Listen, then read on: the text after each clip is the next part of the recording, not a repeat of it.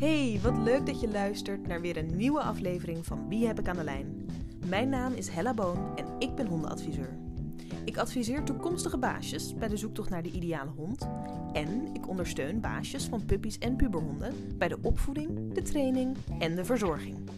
Vandaag ga ik in gesprek met honden- en kattengedragsdeskundige Daniella van Paws in Touch.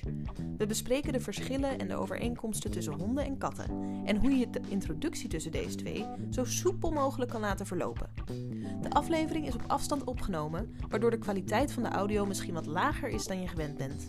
Ik wens je alsnog heel veel luisterplezier en dan gaan we nu door met het interview. Welkom Daniela bij deze nieuwe aflevering. Ehm, we zitten wederom op afstand vanwege corona, onder andere. En omdat wij best wel een stukje eh, uit elkaar wonen. Ik heb mijn eerste internationale gast uh, vandaag in de podcast. Daniela, uh, stel jezelf voor. Wie ben je en wat doe je?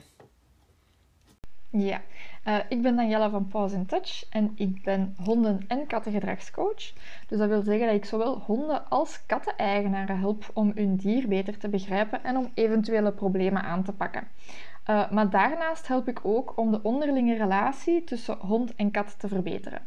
Ja, en dat is fantastisch, want ik heb Daniela natuurlijk niet zomaar gevraagd. Ik wilde het namelijk heel graag een keertje gaan hebben over inderdaad de verhoudingen tussen honden en katten. Omdat ik best wel vaak de vraag krijg van, goh, ik zit te denken om een hond te kopen, maar ik heb al een gezin en ik heb bijvoorbeeld ook al één of twee katten. Kan dat eigenlijk wel? Want van kinds af aan krijg je natuurlijk allerlei tekenfilms te zien en uh, allerlei verhalen van de hond die de kat probeert op te eten. Of de eeuwige uh, gevechten tussen de buurtkatten en, en de honden. Um, dus ik krijg heel vaak de vraag: kunnen honden en katten eigenlijk wel samenwonen? En ik zeg altijd ja, want ik heb bijna mijn hele leven al honden en katten samen. Maar het gaat natuurlijk niet altijd goed. Dus nu hebben we de expert in de podcast die ons alles gaat vertellen over honden- en kattengedrag. en als jij dat zo hoort, Daniela, en je denkt aan die tekenfilms. Uh, wat is dan de eerste gedachte die bij jou boven komt? Ja, dat het ook effectief soms zo kan gaan. Um, dat is soms de situatie waarin dat mensen zitten als ze bellen van ja, de hond zit constant achter de kat en ik heb echt al alles geprobeerd. Um, ik heb zelf de figuurlijke bussek al boven gehaald, maar niks helpt. Uh, hij luistert echt totaal niet meer. Help, help, help. Um, dus het kan er inderdaad zo heftig aan toe gaan dat de hond de kat ziet en er ook elke keer effectief achteraan gaat. Uh, maar omgekeerd kan trouwens ook gebeuren. Hè? Dus de kat die achter de hond aan zit. Die vind ik logischer eigenlijk. Dat klinkt logischer. Ja, want ik vind katten altijd... Ja, ik bedoel, ik heb niks op katten tegen. Ik vind het hartstikke schatten. Maar ze hebben toch wel vaak iets meer... Nou ja, een beetje ego wat af en toe naar boven komt, zeg maar. ja, dat is heel afhankelijk van de kat. Hè. Uh, zoals dat je bij honden verschillende persoonlijkheden hebt, heb je dat dus bij katten ook. En dat soort gedrag zien we vaker bij zelfzekere katten. Katten die wel wat kunnen hebben en niet zo snel onder de indruk zijn en dus ook wel wat stressbestendiger zijn. Um, maar soms ook bij katten die bijvoorbeeld al de ervaring hebben gehad met honden in de zin van, aha, als ik dit doe, dan loopt het weg. Um, maar omgekeerd hebben honden die leerervaring ook natuurlijk. Hè. Als ik blaf, dan gaat die kat lopen en dan is het superleuk om die achterna te gaan zitten. Ja, want is het, want dat is natuurlijk uh, de vraag die mensen dan eigenlijk stellen, is... Uh, uh, is het zo dat mijn hond of mijn kat echt een hekel heeft aan die ander? En vaak onder het mom van ze mogen elkaar niet, hè? Ze, ze, ze zijn kwaad op elkaar. Maar wat ik jou nu hoor zeggen, hè, dat ze weten van ik maak lawaai of ik geef een keer een map en dan gaat hetgene wat ik niet leuk vind, gaat weg. Is dat dan omdat ze ze niet aardig vinden of omdat ze misschien bang voor ze zijn? De grootste problemen komen vaak gewoon puur door ja, miscommunicatie. Um, tussen mensen en katten is er veel miscommunicatie, tussen mensen en honden ook. Uh, en tussen katten en honden is dat dus niet anders. Uh, dat zijn twee compleet verschillende diersoorten. En die hun behoeften staan ook gewoon soms haaks ten opzichte van elkaar. Honden hebben een groep nodig, terwijl katten eigenlijk van nature solitaire jagers zijn. Dus alles wat dat eten en, en spelen is, doen ze het liefst alleen. Terwijl bij honden, ja, niks zo saai als alleen spelen. Dus, en dat zijn gewoon dingen die, die haaks ten opzichte van elkaar staan. En op vlak van lichaamstaal is het vaak ook zo. Dat ze gewoon elkaar niet begrijpen.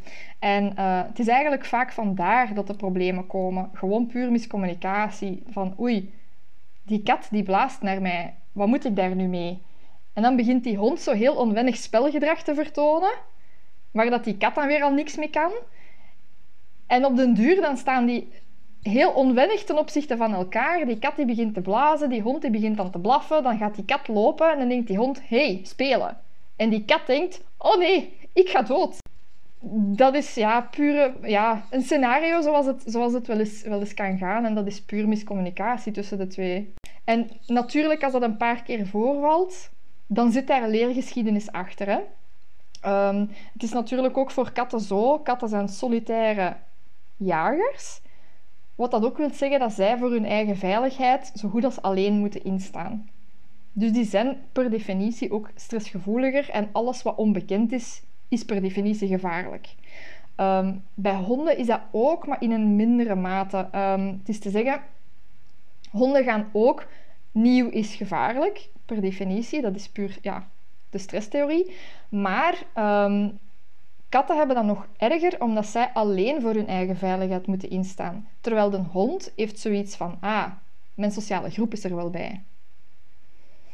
Dus in dat opzicht is het soms ook wel moeilijker om, ja, voor honden, uh, voor katten is een hond, de, de geur van een hond op zich al, oei. Mm Oh, maar dat is een heel goed punt wat je nu aansnijdt, want um, ik, uh, ik had een beetje bedacht voor vandaag om ook even de stapjes door te lopen. Van, uh, stel je wil nou een hond kopen en je hebt al een kat. Wat kan je dan doen? En een van de dingen die ik altijd adviseer is... Uh, zorg ervoor dat voordat het desbetreffende dier thuiskomt... dat je al stukjes stof met de geur hebt aangeboden. Dat ze dus die geur en, en het gevoel van dat dier zeg maar al hebben herkend. Is dat dan een goede tactiek? Ja, uiteraard. Um, maar maar um, uiteraard is geur koppelen aan iets leuks een hele goede zet, een heel goed begin. Um, maar nog belangrijker is eigenlijk kijken naar zijn die twee wel compatibel.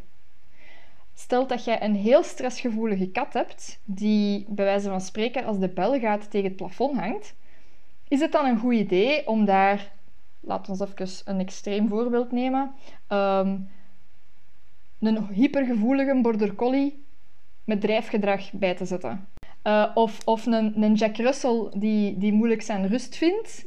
Ja, dat hoort je al van ver. Dat is geen ideale combinatie. Heb jij een heel zelfzekere kat die bij wijze van spreken de wereld aan kan en jij zet daar dan uh, een hele stabiele, rustige... Ik ga echt de clichés aansnijden vandaag, sorry hoor. Uh, een hele rustige labrador bij match made in heaven, weet je? Dus dat is heel belangrijk om te gaan kijken wie zet je bij wie. En los van het ras, hè, um, je hebt ook hele rustige, eendert welke ras, heb je hele rustige honden. Los van het ras heb je hele wilde katten.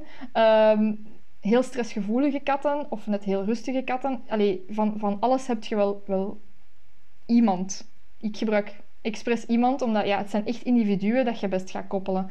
Ehm, want dat is ook wel iets wat ik vaak zie gebeuren, is dat de mensen iets te veel naar het ras gaan kijken, zowel bij kat als bij hond. Ja, ik ga er een bengaal bij zetten en komt dat goed. Niet per definitie. dat is wat kort door de bocht. Hè? Um, dus ja, echt heel goed kijken naar wie zet je bij wie. Dat is de eerste stap. En als je een compatibel duo hebt gevonden, dan ook een keer goed gaan kijken naar hoe is het gesteld met je omgeving. Uh, want katten hebben, moeten het heel erg hebben van hun omgeving. En als die geen veilige plaats hebben, katten hebben ook nood aan die veilige plaatsen. Um, als die niet op hun gemak naar de, naar de kattenbak kunnen gaan, zonder dat die een hond daar zijn, zijn kop binnensteekt, dat gaat de relatie tussen die twee sowieso beïnvloeden. En dat gaat er ook voor zorgen dat die kat iets stressgevoeliger wordt, Waardoor dat hij dus ook sneller gaat reageren als die een hond een keer iets doet. Dus ja, de wisselwerking is heel belangrijk. Ja, en ik kan me ook voorstellen dat het um, ook nog anders is als je een puppy meeneemt dan als je bijvoorbeeld al een wat oudere hond adopteert. voor je kat? Of is dat uh, ook te kort door de bocht?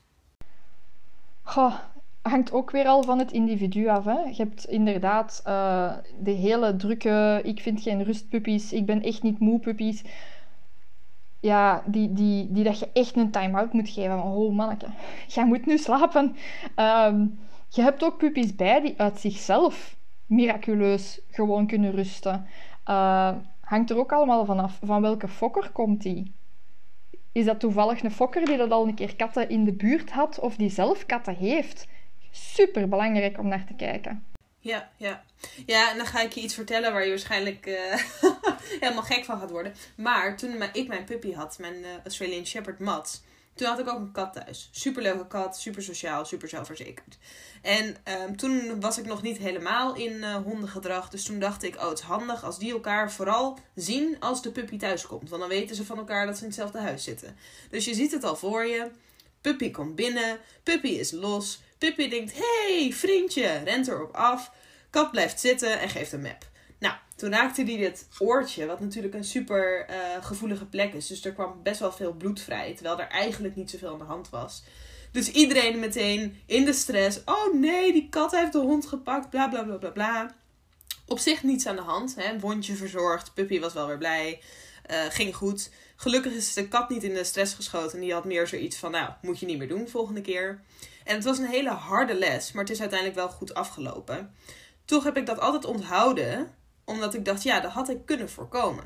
Ik had dat heel anders kunnen aanpakken. Maar nou wil ik van jou graag weten, wat is een goede aanpak als je al een kat hebt en je gaat de hond introduceren? Stel de dag dat hij thuis komt, wat kan je dan het beste doen aan voorzorgsmaatregelen of misschien aan management binnen het huis? Um, als allereerste, als je al een kat hebt en je gaat er een hond bij zetten, is het belangrijkste wat je kan doen zorgen dat die kat een omgeving heeft die 100% is aangepast aan de noden van die kat. Uh, een paar voorbeelden. Die kat heeft hoogtes nodig. Die kat heeft kraplocaties nodig.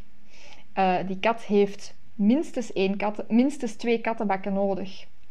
Uh, die kat heeft meerdere verschillende veilige slaapplaatsjes nodig.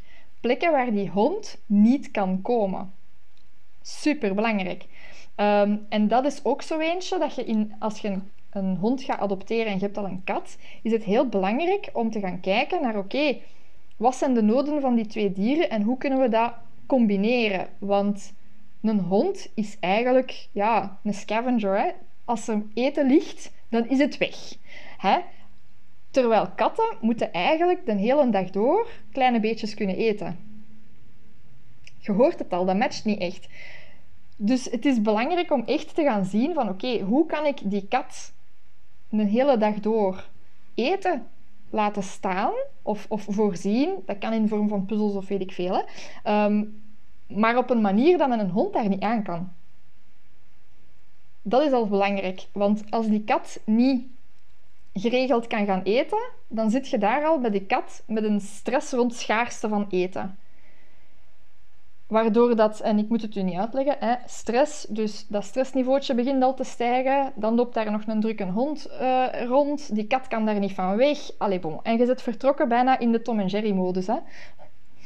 Uh, dus die omgeving aanpassen voor die kat, dat die kat weg kan, dat die rustig kan eten, dat die rustig naar de kattenbak kan gaan, dat die rustig kan slapen zonder gestoord te worden.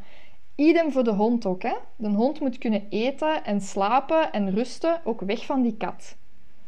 Dus ze moeten elkaar succesvol kunnen ontwijken. Gewoon, ja, stelt dat het echt niet gaat. En die zitten constant op elkaar. Dat is gewoon een recipe for disaster. En, en ja, ze moeten dus elkaar kunnen ontwijken om tot rust te kunnen komen.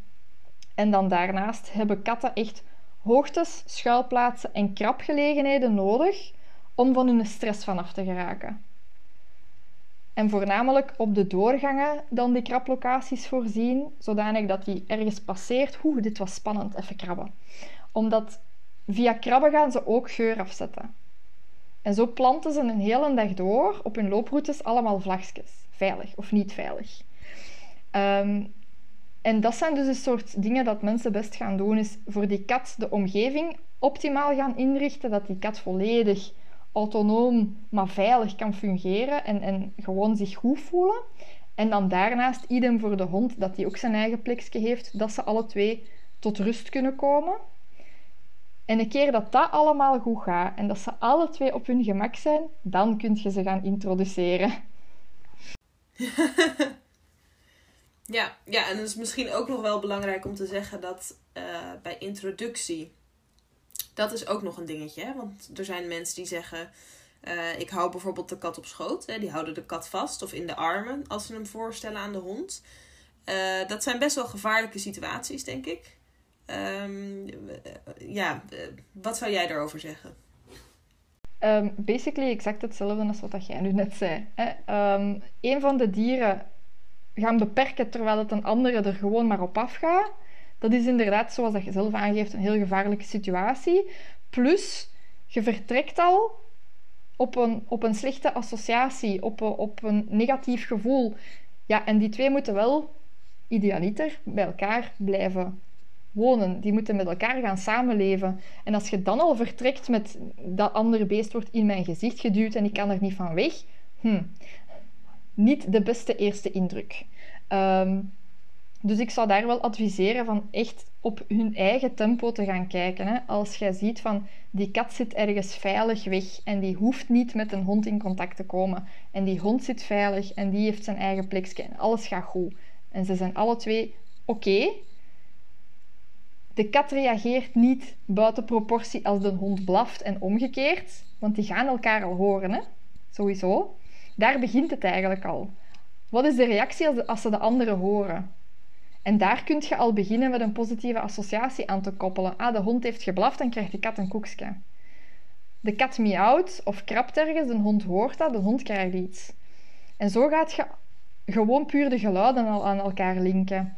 En dan, gelijk dat je daar straks hebt gezegd, de geuren, ook heel belangrijk. Vandaar al te beginnen met een associatie op te bouwen. En dan daarna komt pas elkaar zien. En elkaar zien zoals in een, in een veilige situatie of een veilige context, op afstand, liefst met babyhekjes ertussen, liefst met veiligheid. Um... Sorry, telefoon. Dus liefst die veiligheid blijven garanderen, zo bij de introductie ook gewoon. Ze kunnen elkaar misschien wel zien, maar het laatste wat je wilt is dat die hond de kat ziet en er naartoe vaart. Of dat die kat de hond ziet en direct in stress schiet. Dus het is de bedoeling dat ze elkaar kunnen zien, maar dat ze nog niet aan elkaar aan kunnen. Hè? Uh, dat is, als, ze, als dat veilig kan gebeuren, dan kunnen ze een keer gaan snuffelen, maar daar gaat wel wat tijd over. Um, ik ben ook heel erg fan van uh, met babyhekjes werken sowieso. Um, en in een eerste fase is de kat degene die uh, een eigen veilig plekje heeft. Dus zou ik zeggen, de hond aan de leiband. De hond kan niet achter de kat gaan en normaal gezien, een kat gaat niet zomaar boembats op een hond aflopen. Normally speaking. Um, ja, dus dat zou ik aanraden. Nee, maar toch is dat natuurlijk hè, de, de, de eeuwenoude mythe die we ook nog altijd buiten horen. Hè, van ze zoeken het zelf al uit. Uh, die leeft nog steeds ook heel erg in deze situatie. Dus ik krijg toch wel vaak mensen aan de lijn die zeggen van nou, um, wil je me helpen met de aankoopbegeleiding? Ik heb een kat, bla bla. En dan vraag ik hoe en wat. En dan zeggen ze ja, maar dat komt wel goed. Komt wel goed. Of dat, dat heeft een weekje nodig. Dat ik denk, ja, maar je weet het niet. En het zou ook kunnen uh, dat het misschien wel drie maanden nodig heeft voordat het gaat. Um, dus ik vind het wel heel belangrijk dat we dit, dit onderwerp inderdaad zo uitgebreid bespreken. Even kijken, ik had nog een vraag. Um, ik heb wel eens de opmerking gehad van iemand van uh, die gebruikt dan zo'n soort matching site om uh, uh, een hond te adopteren, zeg maar. En dan staat er vaak bij um, wel of niet geschikt met katten, zeg maar. Of honden uit het asiel bijvoorbeeld, waarbij dat wordt gezegd. En ik krijg nog wel eens de opmerking van, uh, maar ik heb zo'n makkelijke kat. Uh, maakt het nou echt zoveel uit? Hè? Als iemand anders heeft gezegd, deze hond kan niet bij katten. Een soort van ja maar. Zo van, ja maar ik kan het toch proberen. Um, ik wil jou heel graag laten uitleggen met jouw expertise. Waarom dat misschien niet helemaal een handige manier van denken is. Wel, um, stel dat je dat probeert. En stel dat die kat in huis komt uh, of die hond komt in huis. En een van de twee kan gewoon niet aarden met die andere. En zelfs met een hele goede introductie, stel u voor dat dat met een hele goede introductie is gebeurd, um, dan kan het nog zijn dat het gewoon niet lukt. En dan kan het zijn dat je je hele leven lang op management moet gaan verder bouwen. Dat die twee eigenlijk gewoon moeten gescheiden leven. En dat kan, maar, um, ook weer daar een maar, hangt allemaal af van het individu. Er zijn gewoon katten bij die bij het geluid van honden zodanig in stress gaan. Ja. En dan moeten die gaan samenleven. Ook al leven ze dan gescheiden, die hond, die hoort die, die ruikt die, die weet goed genoeg dat die daar zit. En omgekeerd ook. Hè. Een hond weet goed genoeg dat er een kat in huis is. Hè. Um, dus als die bij elkaar al gewoon stress krijgen van te weten dat die er zitten... Ja, wat een leven gaat je dan tegemoet? Kunt je je eigen de vraag stellen. Hè? Heel vaak zijn dat de situaties waar de kat ziek wordt. Um, blaasontstekingen, um, overmatig verzorgen uh, of niet meer verzorgen. Uh, een kat die enkel nog boven leeft en niet meer naar beneden durft.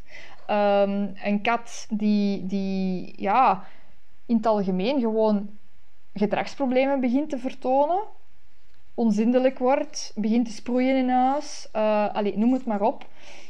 Dat zijn dan dingen die vaak gebeuren ten gevolge daarvan. En het kan zijn dat het blijft bij um, medische problemen, hè, dat hij regelmatig overgeeft, of dat hij, dat hij diarree krijgt, of dat hij blaasontstekingen krijgt, en dat een eigenaar het zelf niet merkt. Dat kan dus ook. Ja, heel heftig hè. Maar er is nog steeds wel veel mensen die, die het gevoel hebben dat ze het zelf wel kunnen oplossen. Of dat het. Um, het is natuurlijk ook wel trainbaar, vaak. Maar ik vind. Veel mensen overschatten zichzelf vaak. Of, of overschatten de, de kat. Dat ze denken: ah, komt wel goed. Hè? Het is maar een katje, die, die redt zich wel. Terwijl het zijn mega gevoelige dieren ook. Ja, het is een proces, hè? Het is niet van we zetten ze even bij elkaar, klaar. Nee, nee, nee, nee, absoluut niet. Ja, ja. En zijn er dan ook um, gedragingen, zijn er, zijn er hele grote verschillen of overeenkomsten in het gedrag tussen honden en katten? Want het zijn natuurlijk. Um, we vergelijken ze ook wel vaak. Het zijn natuurlijk de twee dieren die wij het meest uh, gedomesticeerd hebben, die, die, die het meest bij ons wonen, het meest gekochte huisdieren. Uh, en toch, ik heb altijd het gevoel dat ze heel verschillend zijn in, in hoe en wat. Um, maar zijn er, zijn er ook dingen typisch hetzelfde voor honden en katten? Zoals al gezegd, het zijn twee volledig verschillende diersoorten. Maar op sommige vlakken kun je zeker vergelijken. Um, voorbeeld, natuurlijk gedrag. Een kat krabt, een hond gaat eerder graven. Um, op vlak van lichaamstaal zijn er ook heel veel verschillen, maar toch ook wel vrij veel gelijkenissen. Vooral als we gaan kijken naar stresssignalen. Een kat geeuwt ook. Een kat krabt ook. Een kat gaat zich ook opeens uit het niks zo even likken en dan verder wandelen als overspronggedrag. Zoals dat een hond dat soms ook kan doen. Um, ja, de tongel, ook zo eentje. Wegkijken, wegwandelen. Ja, allemaal ja, gelijkaardig. Um, met dan het verschil dat bij katten een hele belangrijke indicator waar dat mensen vaak niet naar kijken, is de, zijn de snorharen. Heb je ooit al naar de snorharen van je kat gekeken? Uh, nou, wel eens als hij ze per ongeluk achterliet ergens. Maar uh, bedoel je dan dat, zeg maar, dat trillen als ze bijvoorbeeld een vogeltje zien, uh, dat ze dan zo dat, dat, dat, zo, ja, ik hoop niet, dit klinkt heel raar op de podcast, maar dan gaan ze zo'n heel raar oergeluid maken en dan zie je zo dat lipje zo trillen. Ja, um, ook, maar bij katten kun je echt een state of mind ook wel opmaken uit de stand van de snorharen. Dus eigenlijk daarbij is het ook een soort van communicatiemiddel. En dat is eigenlijk wel een hele leuke. Dus als een kat ergens interesse in heeft, dus er ligt een prooi voor haar neus, komen de snorharen naar voren, echt heel prominent naar voren. Um, als een kat heel bang is, gaan die heel plat naar achter. Je hebt ook zo de neutrale stand opzij. Um, En dat is wel een hele mooie, omdat bij katten, zeker als je zo een wit-zwart kat hebt, zo, witte snorharen, zwarte kat of zo, echt waar het verschil heel goed te zien is, dan is dat echt een super duidelijke maatstaf van oké, hoe voelt die kat zich nu? Een kat die open staat voor contact, die gaat naar voren gaan met de snorharen. En als die snorharen meer naar achter staan of zelfs helemaal plat tegen de kaken, blijft er gewoon af. Heel duidelijk, gewoon niet doen. Ja, want dat is natuurlijk ook iets uh, wat ik ook wel vaak merk. Dat mensen zeggen. De, als het echt zo is, dan verbaas ik me erover. Maar er wordt vaak gezegd van ja, eh, dan ben je een kat aan het aaien. En dan zegt ze, oh ja, maar deze kat die heeft er soms opeens genoeg van. Hè? Dus die kan je dan aaien. En dan vindt hij bijvoorbeeld na drie aaitjes ineens hangt hij in je arm. En dan wordt er gezegd van, oh ja, deze kat uh, zo onvoorspelbaar. Hè? Die, die, het ene moment vindt hij het heerlijk en het andere moment wil hij niet meer. Um, en ik heb het ook wel eens meegemaakt, doordat een kat op schoot sprong. En dan denk je, oh, hij vindt me zo leuk en zo lief. En dan ga je aaien en dan krijg je ineens zo'n ah, zo'n klauw in je arm. Komt dat nou omdat katten echt zo wispelturig zijn? Dat ze echt het ene moment denken, oh leuk. En het andere moment, oh, doe maar niet. Of missen we dan gewoon hele lichte signalen? We missen heel vaak um, veel signalen van katten, sowieso. Ook omdat het zelfs soms nog een beetje subtieler is dan bij honden. Um, maar ook een belangrijk element om mee te nemen, zoals dat, dat bij honden ook is. Als een hond naar u toe komt, wil hij niet per se geaaid worden. Als een kat op je schoot komt zitten, wil hij niet per se geaaid worden. Dat kan zijn dat hij contact wilt in de zin van oh, ik ga me hier installeren, lekker warm, ik ben bij u, het is goed. Maar dat aaien is zo net het stapje verder. En dat wil die niet altijd. Dus zoals dat we vaak de toestemmingstest doen bij honden, laten ruiken en zien wat dat die doet, kunnen we dat even goed bij katten doen. En dat is echt een, een hele goede om een keer te proberen. Dat je, kat, dat je hand uitsteekt richting je kat en zie wat dat ze doet. En als ze komt snuffelen, even laten snuffelen. En dan daarna kun je even onder die kin aaien of zo. Hè. Je hebt zo de magic spots, hè. zo aan de oren, onder de kin, dat zo snoraartjes. Um, even daar, ik zeg altijd max vijf keer en dan stopt je. En dan kijkt je wat die kat doet. Want bij katten is het ook zo dat gewoon in het algemeen die vacht is een zintuig. Hè? Die haartjes, dat is een zintuig. Moet dat maar eens proberen. Als je kat ergens ligt, zo heel lichtjes een paar haartjes opheffen. Je krijgt waarschijnlijk reactie. Omdat die vacht zo gevoelig is. Dus bij katten is het zo dat als je die begint te aaien en het duurt te lang, dat dat een beetje lijkt alsof je met een nagel over je hand gaat. En dan kan het zijn dat dat drie keer leuk, vijf keer nog oké, zeven keer dit is niet meer zo fijn, tien keer klauw. Ja, het is, soms is dat best wel lastig natuurlijk. Dat snap ik ook wel. Want we worden van jongs af aan uh, vaak toch al geleerd van... Oh ja, een uh, katje moet je lekker aaien. En hè, dat vinden ze leuk, bla bla. Net als met de hond. Hè. Als ze kwispelen zijn ze altijd blij. Nou, allemaal van dat soort dingetjes. Dus ik snap ook heel erg dat mensen het vaak niet zien aankomen. Maar juist daarom is het zo leuk dat wij dit gesprek hebben. Um, omdat we dan in die zin dat soort uh, heilige huisjes een beetje kunnen omgooien. ja. Ja, voilà. Ja, en ook bij het aaien is dan de snorharen vaak uh, een indicator. Hè? Dus als je begint te aaien en die kat staat ervoor open, staan vaak de snorharen naar voren. En je ziet dan zo, aai, aai, aai, je ziet je zo die snorharen wat meer naar achter gaan. Dat is ook ergens een indicator van, oei, beter even stoppen. Um, ook de staart. Als een kat begint te kwispelen, dan weten de meeste mensen wel van, oh oh. ja, en gewoon in het algemeen hoe dat de stand van de oren is, hoe dat, die, hoe dat die, die ogen staan, hoe staan die pupillen. Eigenlijk zoals dat we bij honden naar het volledige plaatje kijken, kunnen we dat bij katten ook doen. En zoals gezegd, heel veel van die signalen, of de stand van de oren, uh, de stand van de pupillen, dat zijn dingen die we bij honden wel kennen, maar om de een of andere reden bij katten minder naar kijken. Ook al kun je er eigenlijk wel hier en daar een soort van lijn in trekken. Nou, dan heb ik nog eigenlijk uh, één leuke vraag om mee af te sluiten. Um, ik weet dat je een hond hebt. Ik ken Nala. Ik ken Nala vooral van um, alle gemene dingen die jij over haar zegt op Instagram. maar ik vroeg me af, um, heb je zelf eigenlijk ook een kat erbij? Ja, Louis. En hoe gaat dat dan tussen hun twee? Eigenlijk wel best goed. Ehm, maar, maar, Louis is heel zelfzeker. Um, Louis is zo het soort kat. Als er een hond passeert, dan blijft hij liggen. En die hond die mag staan springen. Louis blijft gewoon liggen. En Louis die heeft echt... We hebben die ook genoemd naar um, die een aap uit Jungle Book. King Louis. Omdat hij ons daar zo erg aan denken. Um, we hebben Louis geadopteerd van een gezin waar dat hij weg moest, omdat daar drie honden waren en het ging niet. En we hadden eigenlijk eerst Louis in huis. En um, ja, fantastische kat, super. En dan, daarna hebben we Nala als pupje geadopteerd. Um, en ook daar hebben we eigenlijk onbewust, want toen had ik al die kennis nog niet, uh, onbewust zo'n beetje het juiste gedaan. Surprisingly. Gelukkig, maar surprisingly, want wij hadden Louis altijd zo, zodra dat, dat pupje in huis was, zodra dat Nala er was, de deur naar boven opengezet, bijvoorbeeld. Met dan een, een ja, met een rennetje, alleen met zo'n hekje voor, dat Nala niet kon volgen. Zo van die dingen.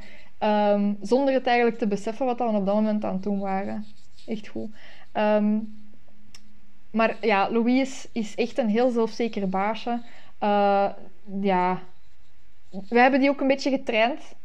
Zoals dat je bij honden kunt doen, kun je bij katten ook trainen. Um, ja, het verschil is gewoon dat je motivatie echt moet goed zitten. Anders krijg je er niet veel van gedaan. ik weet ook nog heel goed dat ik, voordat ik een hond had, ik wilde altijd heel graag een hond. Maar we hadden altijd alleen maar katten thuis. Dus toen ben ik op een gegeven moment uh, trick training met mijn katten gaan doen. Toen dacht ik, ja, die kan je ook leren zitten, kan je ook leren pootjes geven. Je moet alleen wat je zegt, je moet echt de juiste beloning ervoor in de ruil hebben. Uh, wat dat dan ook is. Mijn, mijn kat kon ook apporteren, die kon stokjes halen en brengen. ja, inderdaad. En het is, eigenlijk is dat, is dat ook voor katten heel erg goed. Dat is ook een vorm van verrijking. Um, en ik persoonlijk, zowel bij honden als bij katten, zie ik training als een voorbereiding op. Een vorm om stress te... Allee, een vorm van, van verrijking die tegelijkertijd ervoor zorgt dat je stress gaat verminderen in het algemeen. Um, zoals dat we honden voorbereiden op de dierenarts, kunnen dat bij katten ook doen. Zoals dat we bij honden werken op de auto, kun je dat bij katten bij een transportmand ook doen. Um, dus zeker en vast een aanrader. Kattentreinen. Allemaal massaal kattentreinen. Ja, ik denk, wij worden gewoon uh, pro-kat ineens in deze podcast. Ik moet het gewoon ineens een andere naam gaan geven. ja, heerlijk, heerlijk. Nou, ik wil je heel erg bedanken voor, alle, voor, het, lekkere, voor het leuke gesprek en voor alle goede tips. Um, en uh, dan ga ik nu denk ik de recorder afzetten. Dus heel erg bedankt. Heel graag gedaan. Dat was de aflevering over honden- en kattengedrag. Ik hoop dat je het leuk vond en ik hoop natuurlijk dat je iets hebt geleerd. Heb je nou nog vragen of heb je misschien opmerkingen over de podcast? Dan kun je deze altijd sturen naar hella.hellashondenadvies.nl. Tot snel!